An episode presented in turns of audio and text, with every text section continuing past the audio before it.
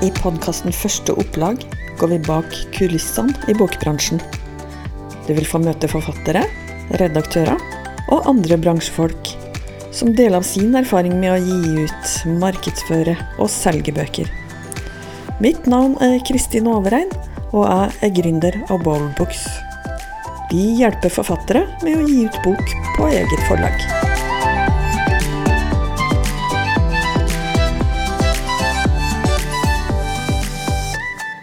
Selv om bøker består av skrift og masse tegn, så er det ganske rart å tenke på hvor lite bevisst vi er egentlig hvilken type skrift som blir brukt til bøkene. Og Derfor hadde jeg lyst til å snakke med en typograf denne gangen. Og det er Ida Nygaard, som jobber både som omslagsdesigner og som ombrekker eh, på Bollbox-plattformen. Så velkommen hit, Ida. Takk for det. Hei, hei. Du er jo veldig opptatt av uh, fonter, skrifttyper. Typografi, har jeg skjønt. Du elsker det trykte ord, har du sagt. Hvordan starta det at du ble interessert i typografi? Og for å være helt ærlig så er jeg arvelig belasta. Jeg har en far som er typograf. Jeg har vært med ham på jobben helt fra jeg var liten og fulgt med på hva som skjer, så, så, det falt ganske naturlig for meg å finne veien inn i grafiske fag. Eh, når jeg tok utdanning, så het det fortsatt typograf, men det heter det for så vidt ikke lenger. Og ofte kaller jeg meg også bare grafisk designer, for det er det folk flest skjønner hva er. Ja, men typografi Ja, for det, det, blir ikke brukt så ofte nå lenger. Men da, din, da du var med faren din på jobb, så var det vel kanskje et eget yrke som het det? Ja, det var eh, flere yrker i grafiske fag før. Det var liksom typografene som jobba med, med, tekst, og så var det reproteknikere og reprofotografer som jobba med bilder, og så var det mange forskjellige fag. Og nå i dag så er alt egentlig slått sammen til ett fag, eh, mer eller mindre. Det skiller vel egentlig nå bare på førtrykk og trykk. Og så selvfølgelig ferdiggjøring, som er innbinding og sånne ting. Men uh, førtrykksfaget er jo blitt mye mer omfattende enn uh, en det var før, og nå kalles det, tror jeg, for mediegrafiker. Men samtidig så må jeg si at de prinsippene for typografi er jo de samme. Det er god lesbarhet og skrift, skriftvalg i forhold til innhold og utforming i forhold til innhold som, som er viktig. Mm. Når jeg, når jeg, hører ordet typograf, så ser jeg for meg på en sånn, veldig sånn gammeldags med, med, en sånn kasse med sånne klosser med bokstaver på, og så en, en fagperson som putter disse i riktig rekkefølge, hvis du skjønner, men det er sikkert veldig gammeldags. Nei, det som er morsomt med, med de grafiske fagene, er at det var jo helt fra Gutenberg, og i 500 år så var det samme teknologien som gjaldt. Helt til Oi. på 60-70-tallet, hvor det kom fotosats og offset-trykk. Da skjedde det en stor forandring. Og når jeg begynte på min utdannelse, så, så brukte vi datamaskiner. Så, så det, men jeg har også vært borti den gamle teknologien, for den fikk vi med oss for å få liksom innblikk i, i den 500 år gamle historien, da, hvordan trykksaker ble lagd før. Oh, ja, så, så, det er ikke helt fjernt. Det er bare noen ja, si 70 Til og med ut på 80-tallet tror jeg det var de som brukte blytyper og plukka dem fra settekasser og lagde trykksaker på den måten. Jøss. Yes. Fascinerende. Hva heter utdanninga som du tok, da? Den het Jeg er typograf i boktrykkerfaget. Oi, det var det en egen utdannelse? Finnes det? Ja, altså, når jeg tok utdannelsen, så, så var det en uh, håndverksutdannelse på videregående skoles nivå. Og det fins fortsatt i dag. Du kan ta utdanning som mediegrafiker på videregående skoles nivå. Men så er det også dukka opp en del studier på høyskolenivå innenfor grafisk design, hvor de også har om de samme tingene. Eh, sånn at eh, utdanningsnivået for de som jobber med det jeg jobber med i dag, har nok eh, økt, eller er kommet på et høyere nivå. Mm. Kan du fortelle litt, hva gjorde du etter utdannelsen din? da? Hva, begynte du å jobbe direkte med typografi rett etterpå, eller? Ja, da begynte jeg en helt sånn tradisjonell grafisk bedrift, hvor det var flere avdelinger, da. Jeg jobba på det som heter Setteriet, som var de som jobba med bokstavene. Og, men også der var det folk som jobba med bilder, altså reproteknikere, reprofotografer og litografer, så jeg jobba en del sammen med dem og lærte masse. Og da var jeg i fem år.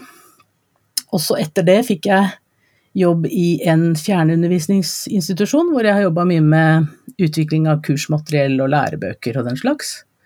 Og i 2004 så begynte jeg for meg sjøl, og det har gått mye i lærebøker, er det jeg jobba mest med.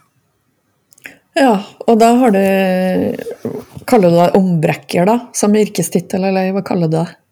Ja, altså eh, Ombrekking Jeg er ikke noe glad i det ordet. Syns det høres litt sånn, litt sånn, grotesk ut. Litt som radbrekker, kanskje. Jeg vet ikke. Så, så, jeg liker best å kalle meg egentlig typograf eller grafisk designer. Eh, og så akkurat det ordet ombrekking, det er knytta til bokdesign og eh, innmaten i bøker som må passe inn på sider. Og da er det, så vidt jeg veit, det er ikke helt klart hvor det ordet ombrekking kommer fra, det kommer antakeligvis fra tysk, men det er liksom der det betyr at du på en måte eh, Sida slutter et sted, og så begynner den på neste side. Da har du på en måte brekkteksten der, da. Ja, sånn, jeg tror det må være noe sånt noe.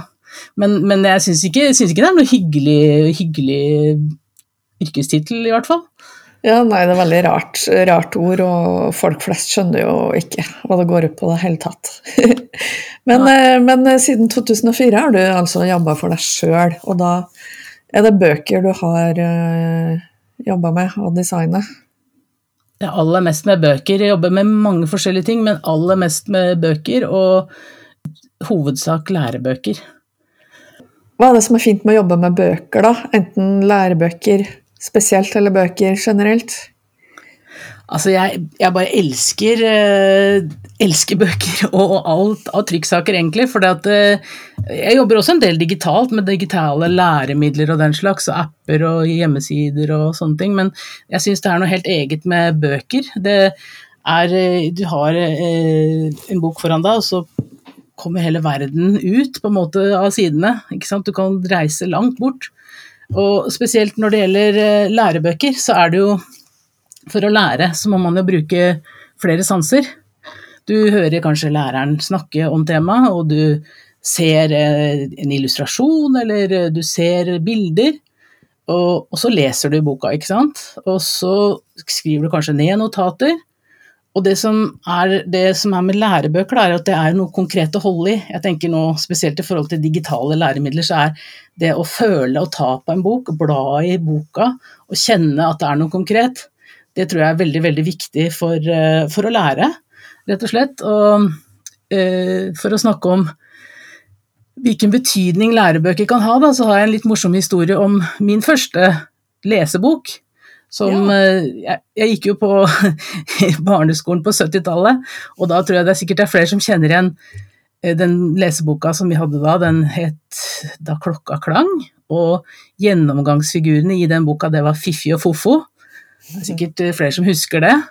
Mm. Og det som, som er I den Fiffi og Fofo-boka var det masse, masse morsomme historier, og vi begynte jo for å lese is og sol og disse tingene her, ikke sant. Og så, men helt bakerst i boka så er det sånt, en sånn regle med alfabetet. Ja. Der A er en alke som lever i sjø, B er en baker med boller og brød, eh, C er en cello som spiller musikk, D er en dame som går i butikk, osv. Og, så og så er det satt opp på en sånn bestemt måte at det liksom begynner eh, oppe i venstre hjørne, og så går det liksom i en slags vinkel ned langs si, Eh, kanten på boksida, så fortsetter det på neste side. ikke sant? Hele alfabetet, da. Og når jeg den dag i dag tenker på at jeg skal si alfabetet, så ser jeg det for meg. For meg har alfabetet altså form som fra Fifi og Fofo-boka. Og det tenker jeg på når jeg lager lærebøker i dag, og som små barn sitter, sitter og, og, bruker. At jeg har jo ganske stort ansvar, da, for det kanskje akkurat er min utforming som gjør hvordan de ser for seg ting i framtida. Ja, ikke sant. Herlighet. Ja. Og tenk, tenk, at du husker den regla fortsatt. ja. Du har jo samarbeida med mange uh, uavhengige forfattere opp igjennom som skal gi ut bok på eget forlag, og så hjelper du dem med å uh, gjøre om manuskriptet deres til uh, trykkeklare filer før det skal sendes til trykkeriet. Da. Kan du fortelle litt om ja, hvordan vil, vil du beskrive samspillet mellom deg og forfatteren i den prosessen? Ja, ofte så har jo i hvert fall de som gir ut eh, bok sjøl, har jo det er jo barnet deres, ikke sant. Mm. Eh, de har jobba lenge med, med manus og, og, sender fra seg da en Word-fil til meg. Og jeg ser på innholdet, men jeg leser ikke nøye. Jeg får med meg liksom hva som er innholdet i boka, og så skal jeg da prøve å lage en utforming ut fra som passer til innholdet, da. Og mm, sånn som jeg ser det, så er min oppgave er jo å hjelpe innholdet fram. Det er ikke jeg, er ikke jeg som har skrevet boka, jeg skal bare på en måte hjelpe eh, forfatteren til å nå fram til sine eh, lesere. Og da er det viktig at eh, det er snakk om god lesbarhet, en utforming som på en måte står i samsvar med innholdet. Og jeg har prøvd å finne en sånn sammenligning på hva jobben min er, og lage et bilde på det, da. Og da tenker jeg at manus for meg, det er liksom en kakedeig. En sånn røre, nærmest. Og så er jobben min å få den røra over i former. Ikke sant? Og så skal det bakes til slutt. Ja. Og, og, og innholdet i kaka, det er jo forfatterens, helt klart. Jeg blander meg ikke borti det, annet hvis jeg blir spurt om råd, selvfølgelig. Men at jeg liksom lager det til et ferdig produkt. Og så er trykkeren kanskje da den som baker og setter på varmen og baker det. Ikke sant? Ja, det var et veldig godt bilde. Ja, det skal, det skal jeg stjele med meg. Bruke i andre sammenhenger. Det er ganske mye å sette seg inn i når man skal gi ut en bok, og i hvert fall for dem som aldri har gjort det før. Min erfaring er kanskje den jobben som du gjør, det som folk minst, har minst kunnskap om i utgangspunktet. Jeg vil tippe det er forskjellig fra forfatter til forfatter. Ja. Noen har, uh, mm. har greier på, på, noen ting og andre på andre ting, men, ja. men det er klart at uh, jeg ser at mange som ikke har satt seg inn i det før, de blir veldig opptatt av detaljer, og det er jeg ikke sikker på om er uh, det de skal tenke på. De må prøve å se, liksom se Stole på fagpersoner, og så se det litt sånn stort. og det tenker jeg er Når du får prøvesider fra meg, da, f.eks., at du har sendt meg manus og jeg lager et forslag til oppsett, så ta og skriv det ut, og så prøv å lese det og se om det er bra. Og ikke fortap deg om skriften er akkurat sånn eller akkurat sånn, for det, når det gjelder eh, skriftvalg, så har vi mange, mange gode skrifter som er godt lesbare, og jeg velger alltid blant de som er, er gode å lese. Så det skal man ikke bekymre seg for å begynne å, å se med lupe ned på bokstavene, eller liksom tenke bare Be om et par eksempler og se hvilket du liker best, og så jobbe videre derfra. Ja, og da er det et godt råd fra deg å rett og slett skrive det ut i sidene på papir, og lese det på papir? Ja, det vil jeg si. Er, det er sist, altså, sluttresultatet er jo en bok på papir, og da er det det aller lureste å prøve det ut på papir. Som sagt, pass på at du skriver ut i full, altså 100 størrelse. Det er noen printere som har en tendens til å forstørre opp og ned og, og sånn, men få, få de 100% størrelse. Gjerne klipp rundt kanten så du får det riktige formatet, og, og prøv det ut. Mm. Jeg har jo sett noen manus eh, fra forfattere hvor det er noen som har gjort seg veldig flid med å formatere dokumentet med ja, ulike oppsett og sånt sjøl. Ulike skrifttyper og ja, har brukt eh, ganske mye tid på det. Eh, er det noe poeng å gjøre det før de sender det til deg? Er det lurt eller ikke? Jeg syns ikke det er lurt, for det tenker eh, da bruker du masse tid på ting som kanskje er litt bortkasta. Det viktigste for meg er at, eh, at, det er konsekvent eh, hvordan man har markert forskjellige teksttyper i manus. At du har titlene markert på en måte, undertitler på en annen måte og uh, løpende tekst. ikke sant? At du har en struktur. Det er det aller, aller viktigste. Når du skal velge skrifttype til en bok, da, hvilke forskjellige skrifttyper har du å velge mellom, eller kategorier?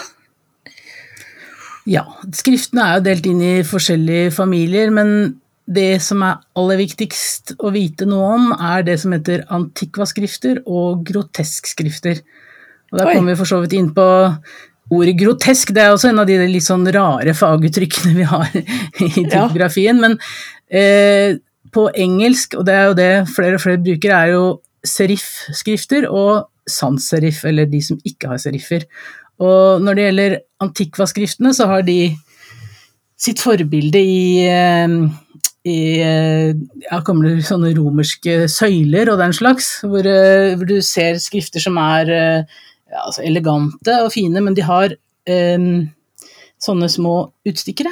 Uh, hvis du tenker deg en, eksempel en H, så har den to loddrette, litt tjukke linjer og en litt tynnere vannrett. Også på de loddrette så er det små sånne Hva skal vi kalle det? Sånne små avslutninger som, som heter serifer det som er forbildet til de bokstavene, er jo egentlig pennestrøk. ikke sant? At du, når du har en penn som ikke er rund, men som er flat, så tar du et eh, strøk nedover, så får du en brei linje, og hvis du tar den bortover, så får du en tynn. Og det vil si at de bokstavene da, som er serifskrifter eller antikvaskrifter, de har et mer sånn variert eh, bilde, de er mer levende, vil jeg si. Altså de er ikke, eh, de er ikke nøytrale, kjedelige, de er levende og elegante.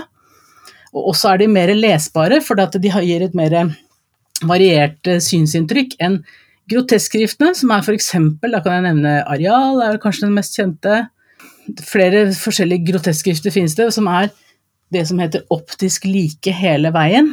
Altså at alle strekene er like tjukke, men de er ikke egentlig like tjukke, de er optisk like tjukke. Ja, ja. Og det er eh, det som heter groteskskrifter, og de er mer sånn nøytrale, kanskje. De er mer eh, tekniske. De passer til, til stoff som har mer å gjøre med teknologi eller eh, veldig sånn saklige tekster, mens de, de i romaner og mengdetekst generelt så bruker man som regel antikvaskrifter, for de har et mer variert bilde og er lettere å skjelne fra hverandre og lettere å lese, egentlig, i mengde. Mm. Og den aller, aller mest kjente antikvaskriften er jo Times, og så sier mange å, Times er så kjedelig. Men Times er faktisk den aller mest lesbare skriften, vil jeg si. Den er den som flest folk kjenner til, og som har vært brukt i mange, mange år. Og den er en helt fin, lesbar skrift. Eh, det fins andre også som, som, går igjen. Det er sånn Garamong, Mignon men alle disse skriftene, det, det, kan liksom ikke bli feil hvis du bruker de, for det er gode, godt utprøvde skrifter som mange kjenner igjen, og som, som er lett å lese. Det er det det ofte går på, at det skal være godt å lese.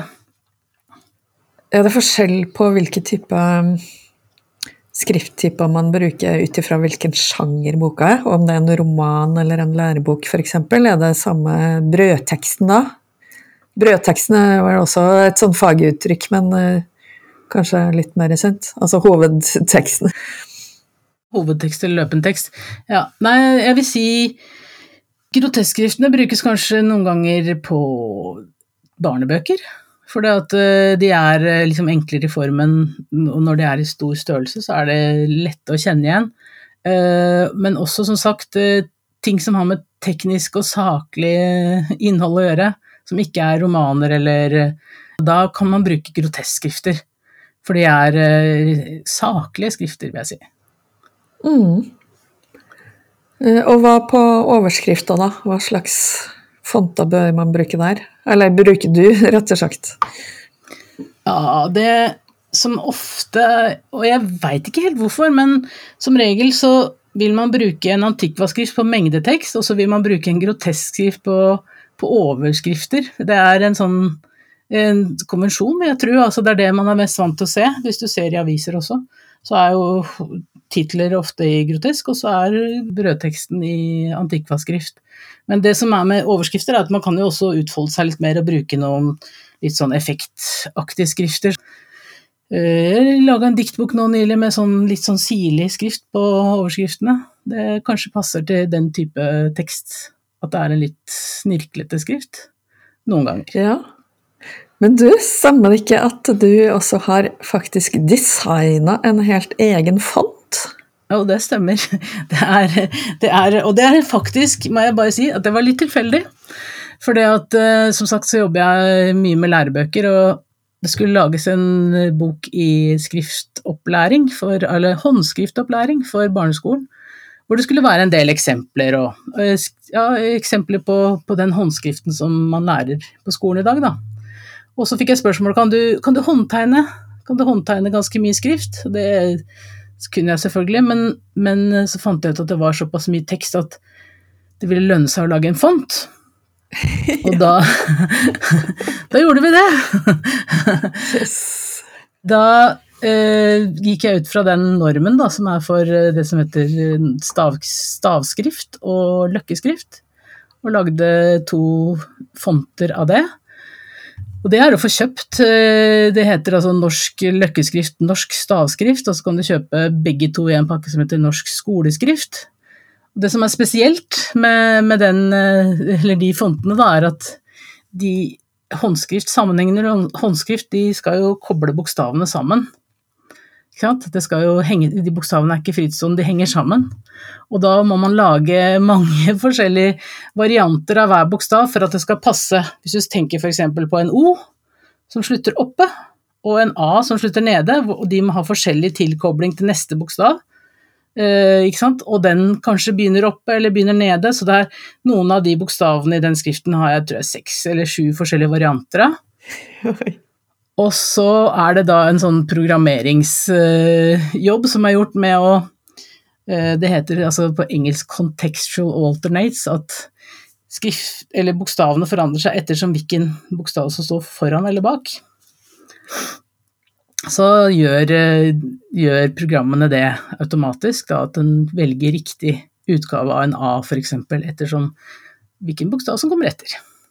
Ja, kult. Da, da er du glad i, i fonta når du til og med går i gang med å designe din egen font. Det passer nerdete, da.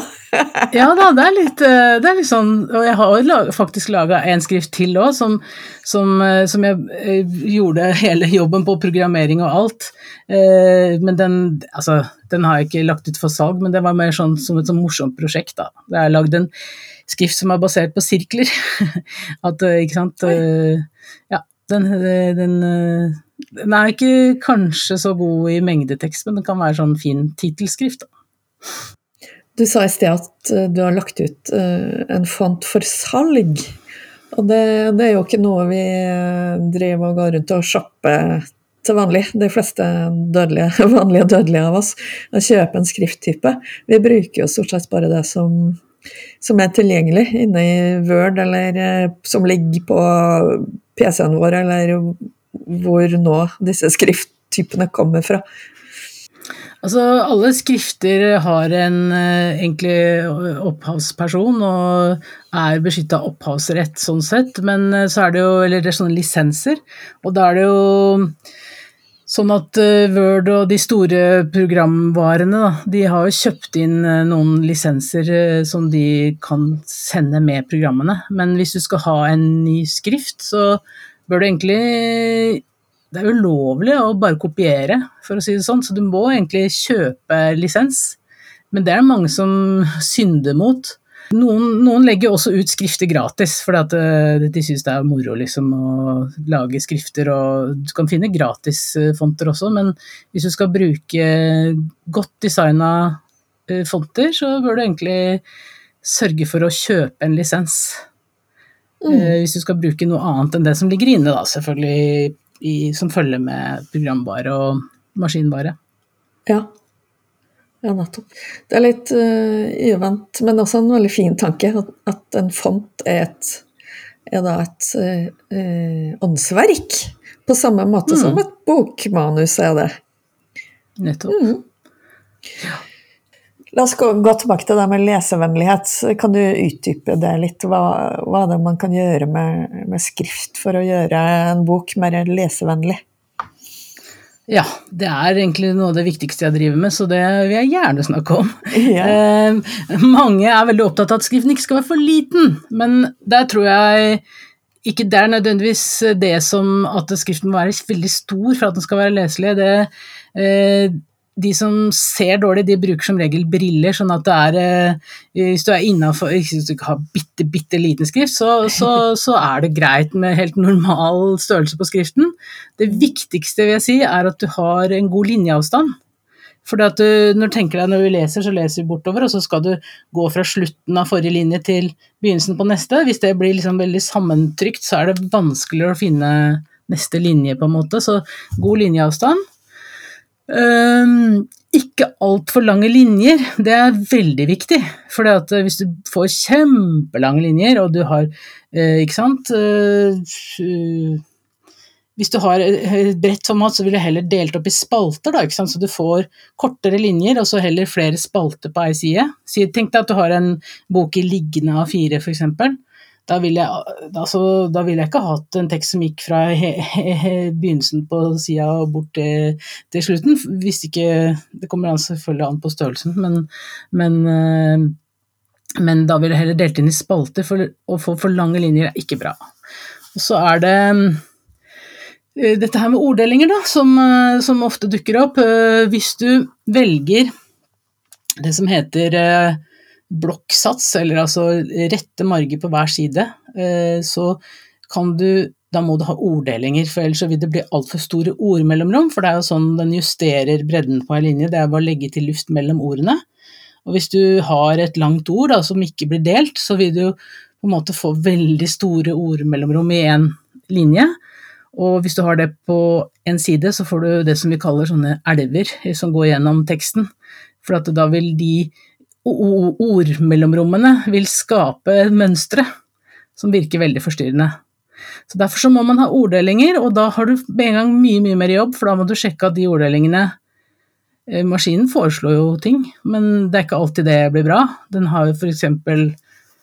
Skal finne et godt eksempel på en dårlig orddeling? Eh, ja, det er en sånn klassisk da, som er pilspiss. Der vil antageligvis maskinen dele pils-piss. ikke sant? For det, det tror den er riktig. Ja. Men, så det må sjekkes manuelt, og da får du en mye større jobb. Og det jeg vil da egentlig faktisk slå et slag for, er å ikke velge rett marg på begge sider, men å velge rett marg på venstre side og løs marg på høyre side, som vil si at bredden varierer, og ikke bruke orddelinger. Det her, det, det er mange som er litt sånn Uh, ikke helt forstår hvorfor jeg foreslår, for at uh, de ser på romaner, og så ser de at her er det rette marger på begge sider, og det ser liksom fint ut. Men hvis du velger, skal gå for en god lesbarhet, så er det vel så greit å bruke en rett venstre marg, ujevn høyre marg, og slå orddelingene. Yes. Så det er min lille kjepphest, faktisk. Der er det litt forskjellige meninger, da. Det er nok det, uh, men, men, uh, men, jeg tror ikke man skal være redd for å gjøre det. For hvis du er opptatt av lesbarhet, i hvert fall, så skal du ikke være redd for å uh, velge løs høyremarg. For mm. du kan si ofte så er det et grep som brukes kanskje i ungdomsromaner og den slags, og ikke så ofte i voksenromaner, men, men som sagt, hvis du er opptatt av lesbarhet, så er ikke det noe dårlig valg. Mm. Men si at man uh, likevel, uh, mot din anbefaling, da, vil ha en blokkjustert uh, tekst, og man er nødt til å passe på disse orddelingene. Hvem er det som gjør det? Er det du, eller er det forfatteren i dette tilfellet, da, som med sitt eget forlag, som må gå gjennom og sjekke orddelinger, eller? Ja, jeg, jeg tar en rask sjekk. Men det er klart, det som er jeg vet ikke, jeg har jo hørt om det, jeg kan ikke vise noe forskning, men, men, man ser bare 70% av feilene. Så jeg kan ikke love at jeg ser alle stygge orddelinger.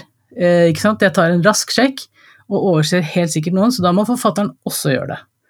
Og ikke sant, gå gjennom, og så er det sånn at folk har forskjellige preferanser når det gjelder orddelinger. Noen er veldig redde for å dele mye, og andre syns ikke det er så farlig. Så jeg vet ikke hva den enkelte forfatteren hvilket synspunkt den har på orddelinger. Så, mm. så, derfor så er det viktig at forfatteren tar en grundig jobb på det. Ja, og da, da, kan det jo også sikkert bli sånn at hvis Eh, hvis man gjør om på disse orddelingene, så får det en sånn følgefeil, skal til seg, eller alt blir forskyvd resten av eh, på, på boksidene, og da kan det jo oppstå nye feil lenger bak, eller Ja, helt klart. Eh, det som Du må på en måte i hvert fall holde øye med innafor det avsnittet du holder på, så kan det få store konsekvenser. Noen ganger får det også da den konsekvensen at det blir en linje lengre eller kortere, og så forskyver det seg da gjennom hele boka. Så det er eh, viktig å gjøre det nøye og se om det får konsekvens for resten av eh, avsnittet, i hvert fall. Ja. Er det noen eh, spesielle regler rundt plassering av avsnitt? Ja, da kan jeg komme inn på et annet morsomt faguttrykk, som er horunge. Det er jo ikke pent, oh. men det betyr Det er jo også kalt faderløs, og hvis du tenker deg da et avsnitt som uh, slutter på toppen av neste side, det er ikke bra. For da er den liksom Den hører jo Det som står Det som hører sammen, skal stå sammen. Det er liksom uh, tommelfingerregelen, da. Og det er også mange som syns uh, Jeg er ikke så kritisk til, men også at et avsnitt begynner nederst på en side.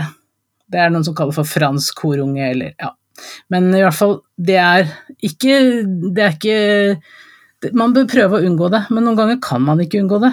Og jeg veit også om typografer som syns at horunger er helt greit, så eh, jeg har eh, min eh, holdning til det er vel at i hvert fall hvis den linja er ganske lang, så er det ikke så farlig. Hvis det er ett ord som kommer på toppen av en side, sier seg egentlig sjøl at det, det, er ikke bra.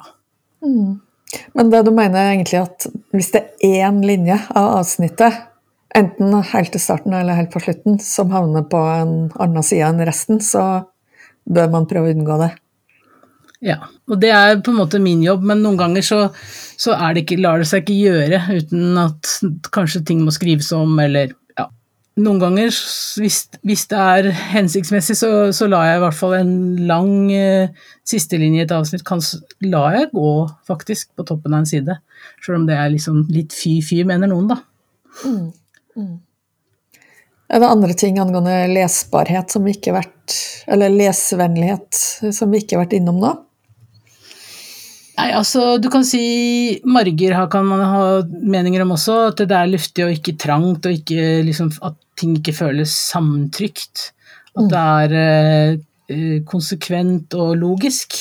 Det syns jeg er viktig, og det gjelder på en måte gjennom hele eh, Både når det gjelder marger og når det gjelder skrift og valg og linjebredd og alt, så er det det at det må være Man prøve det ut og se.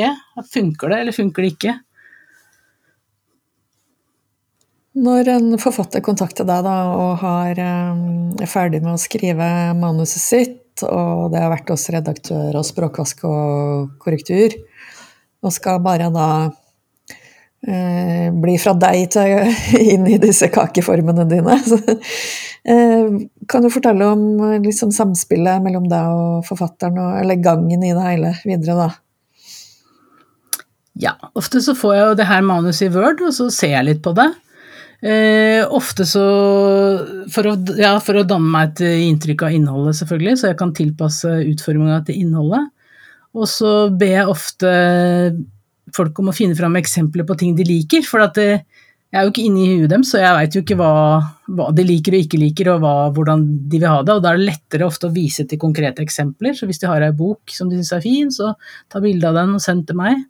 Ja, det var lurt. Og så, ja, og så lager jeg prøvesider som, som, de godkjenner. At jeg lager eh, Bruker begynnelsen av manus til å lage noen sider på eksempler på oppsett, og så blir vi enige. Mm. Og så tar jeg jobben, resten av jobben på en måte med å brekke om, da, eller boka. Og da får de korrektur, sidekorrektur. Hvordan jeg gjør det rent praktisk, det er at jeg får jo som regel et manus i Word og det tar jeg og importerer til det programmet jeg bruker, som heter InDesign, Adobe InDesign. Og jeg jobber med det der, og sant, tar ting jeg ser som skal rettes, og øh, ja, får det inn på sider og får det til å bli bra. Og så lager jeg en PDF uh, som jeg eksporterer fra den InDesign-fylla og sender, som er da uh, kundens sidekorrektur.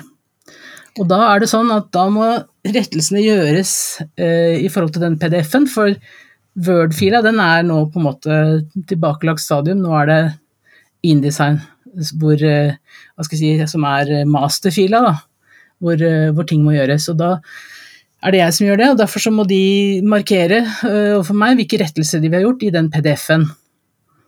Og så uh, gjør jeg da rettelsene i InDesign og lager en ny PDF.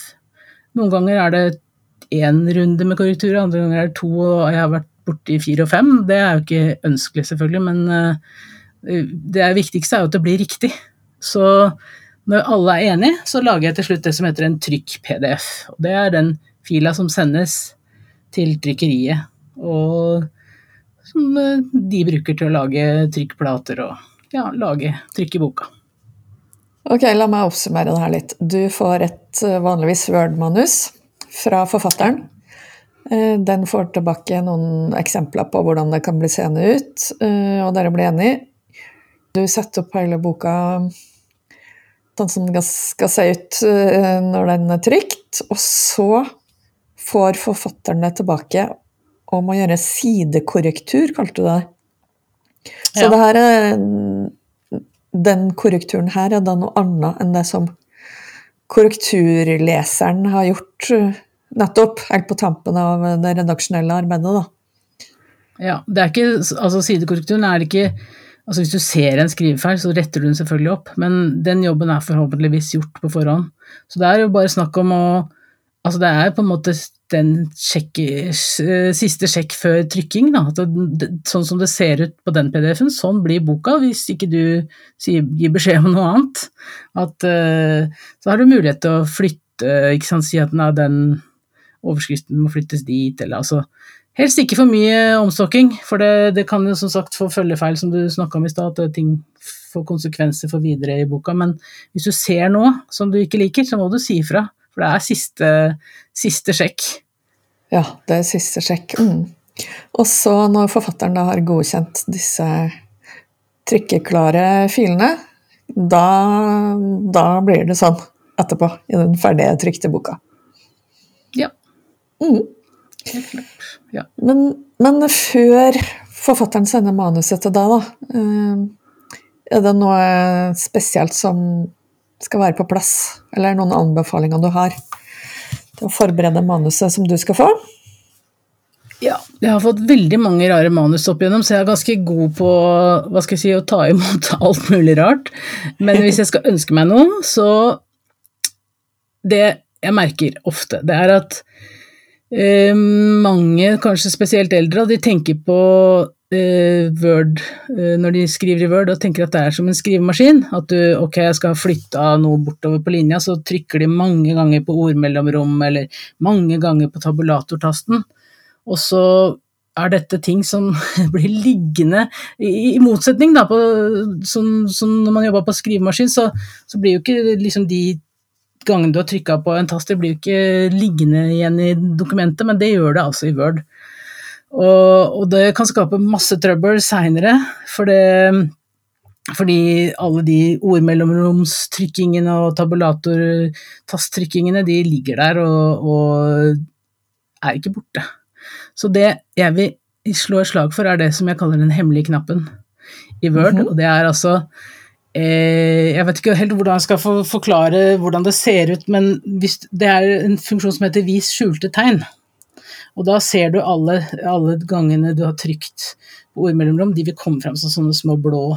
Eh, litt sånn uh, diskré, men du ser at da ser du hva du har trykt på. Eh, og den hemmelige knappen, den skal jeg se, Nå skal jeg bare hente fram Word her, så jeg får, får, uh, får, får, beskrive hvordan den ser ut. Den ser litt ut som en sånn omvendt P. Altså det er et sånt tegn som ofte blir brukt for linjeskift. Eh, det er to eh, streker eh, loddrett, og så er det en sånn mage, sånn som det er på en P, som peker i retning venstre. Og den er en sånn ja, en knapp, rett og slett, i min Word-versjon i hvert fall. Og den heter vis skjul formateringsmerker. Og hvis du trykker på den, så får du fram altså da vil du se alle eh, linjeskift, eh, ordmellomrom, tabulatortast, alt som er av formateringer da, som du har gjort i filet. Da kommer det opp sånne, sånne små tegn der du har trykka på mellomrom hvor du tror at det er helt usynlig, egentlig. Så ligger det egentlig et skjult tegn i bakgrunnen der. Og når jeg da tar eh, Word-fila inn i InDesign og gjør noe med skriftstørrelser og, og linjelengder og alt, så ligger de der og lager problemer. så ja. det beste for meg er at man ikke trykker mange ganger på ordmellomrom, men du kan si jeg har lært meg noen triks, altså jeg søker og erstatter to mellomrom med ett, og jeg har noen sånne prosedyrer jeg går gjennom da, for å rense opp i manus, men det er veldig fint hvis folk bare blir litt bevisst på det òg. Men kan jeg spørre om der, kan det, kan det skyldes at fordi det er mange avsnitt, spesielt i romaner, som begynner med eh, inn, at det er første linja er innrykka. Tror du det er derfor at folk har trykka på enten tabulator eller mellomromstasten flere ganger for å rykke inn i første linja? Er det derfor? Altså, det er ikke noe stor krise hvis folk gjør det, for å si det sånn. Det, eh, det er mer når folk vil ha sånn type eh, tabula, altså eh, oppsett i kolonner og sånn, har jeg sett at mange bruker det med å trykke mange ganger. Og noen ja. ganger har jeg også sett at folk bruker mange ordmeldinger for å komme ned til neste linje. Det er liksom da, da blir det skikkelig vanskelig, Oi, i stedet for enter-tasten? ikke sant? Ja, ja Så-. Men hvis folk vil ha innrykk på første linja og setter inn et tabulatortegn der, det har ikke jeg noe imot. Det, så lenge det er gjort konsekvent og likt gjennom hele manus, så er det ikke noe problem for meg å forholde meg til. Ja, ok. Er det, er det faktisk uh, sånn du helst vil ha det, eller hva skal man gjøre hvis man vil ha innrykk på første linje? Nei, det spiller egentlig ingen rolle. Så lenge som sagt manuset er ryddig og konsekvent, så, så kan jeg gjøre de innstillingene i mitt program, da. Og si at alle avsnitt skal ha innrykk, f.eks., bortsett fra det første i, i kapittelet. Så det, det er ganske sånn kjapt for meg å jobbe med det, hvis det er gjort, som sagt, konsekvent. Ja, nettopp, så da trenger man ikke gjøre noe sjøl i Word-manuset, bare si fra til deg at jeg vil ha innrykk på første linje. Ja. Ja, Men så, det er det man som regel bruker også, i hvert fall i romaner, da. At du har eh, det med at avsnitt skilles av eh, et mellomrom, det er egentlig en sånn tekstbehandlingsmåte å jobbe med tekst på. I, bøker så ser man det veldig sjelden, egentlig. At du bruker eh, avsnitt eh, Altså eh, avstand mellom avsnitt. For det gjør at ting liksom, hva skal jeg si, faller litt fra hverandre ofte. Det blir liksom veldig luftig på en litt feil måte. Det er bedre å bruke innrykk for å markere avsnitt i bøker. Men hva skal man gjøre når man er på slutten av et avsnitt? Skal man trykke enter to ganger før man starter på et nytt avsnitt, eller bare én gang? En gang holder. En gang Det, holder. jeg må også si at det finnes nå to forskjellige typer eh, linjeskift. Og det er eh, hardt og mykt. Eh, hvis du mm, holder skift, i hvert fall på min maskin, hvis du holder skift-tasten inne samtidig med at du trykker på enter eller linjeskift, så får du det som kalles et mykt linjeskift. Og det vil si at eh, linja du kommer ned på, hører sammen med det avsnittet du er i. Mens hvis du sitter, setter eh, et trykk på linjeskift-tasten uten å holde skift-tasten nede, så får du et hardt linjeskift. Da er det en markering av avsnitt. Men det er ikke, det, de fleste trenger ikke å tenke på det her, altså, men det, er, det, det fins to typer linjeskift. Ja. Og, det, og disse, begge disse blir da sikkert eh, eh, hvis du slår på den der vis, vis skjulte tegn-knappen. Ja, og da vil de se forskjellige ut. I hvert fall gjør de det i InDesign, er jeg helt sikker på, men jeg tror også de gjør det i Word.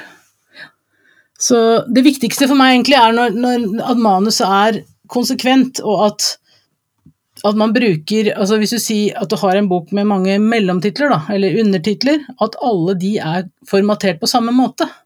For da blir det mye lettere for meg å jobbe videre med. Da kan jeg eksempel, hvis du mm, bruker det som heter stiler i Word. Altså det er sånn type overskrift 1, overskrift 2. Så jeg, husker ikke, det har forskjellige navn. Du kan bruke de forhåndsinnstilte stilene.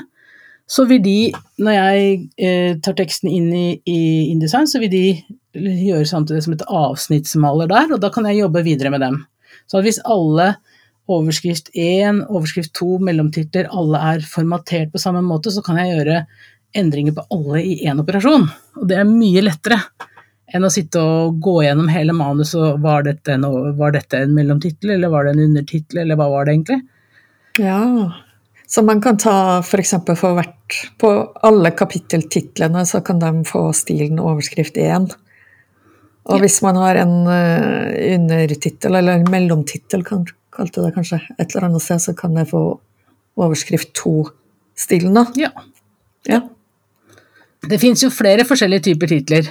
Vi har f.eks. stikktittel, som er den tittelen som kommer før en hovedtittel.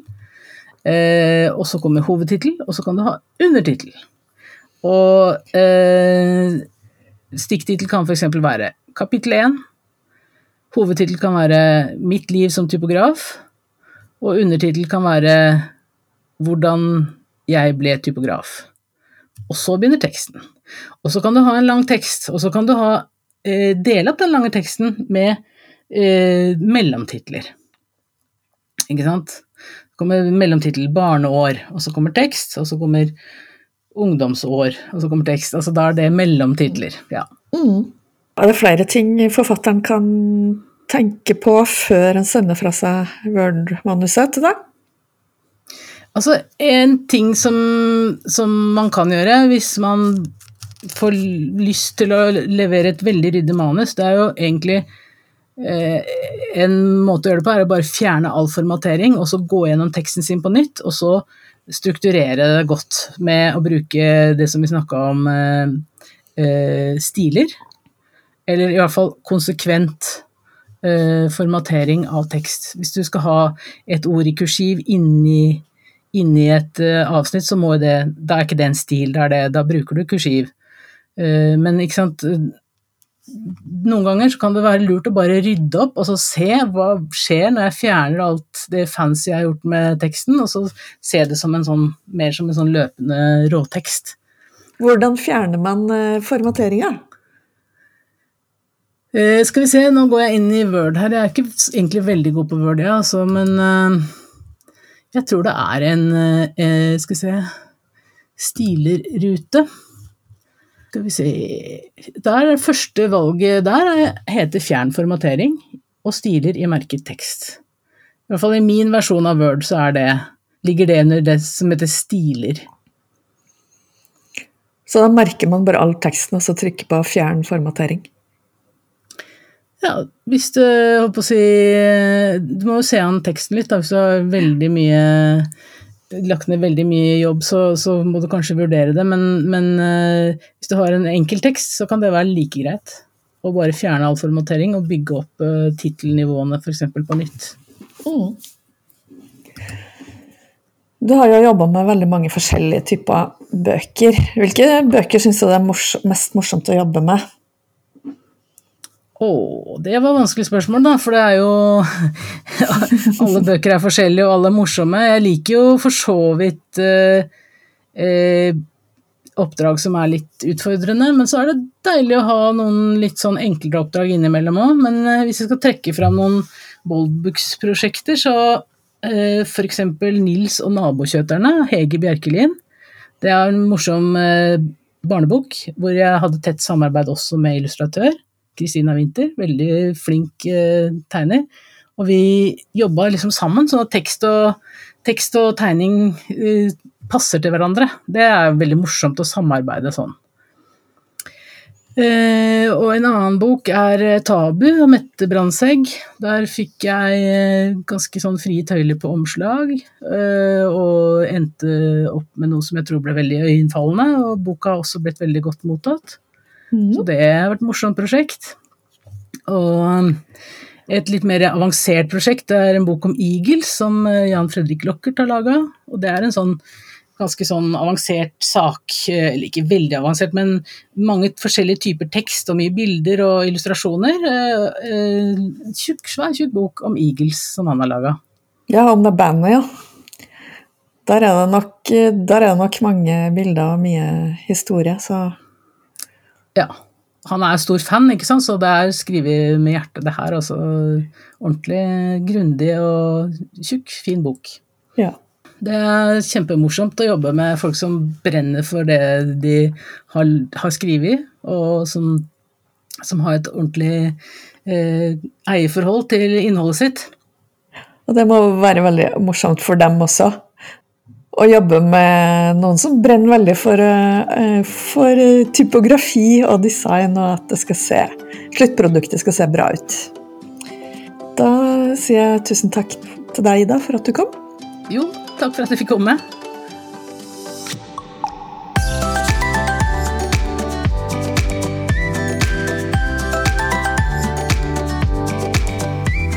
Du har hørt en episode av Første opplag, en podkast produsert av Boldbooks. På boldbooks.com kan forfattere få direkte tilgang til eksperter i alle deler av bokprosjektet. Alt fra redaktør og korrektur til bokdesign og trykking. Forfatteren investerer i kvalitet og beholder full kontroll og alle rettigheter og inntekter av sin egen bok.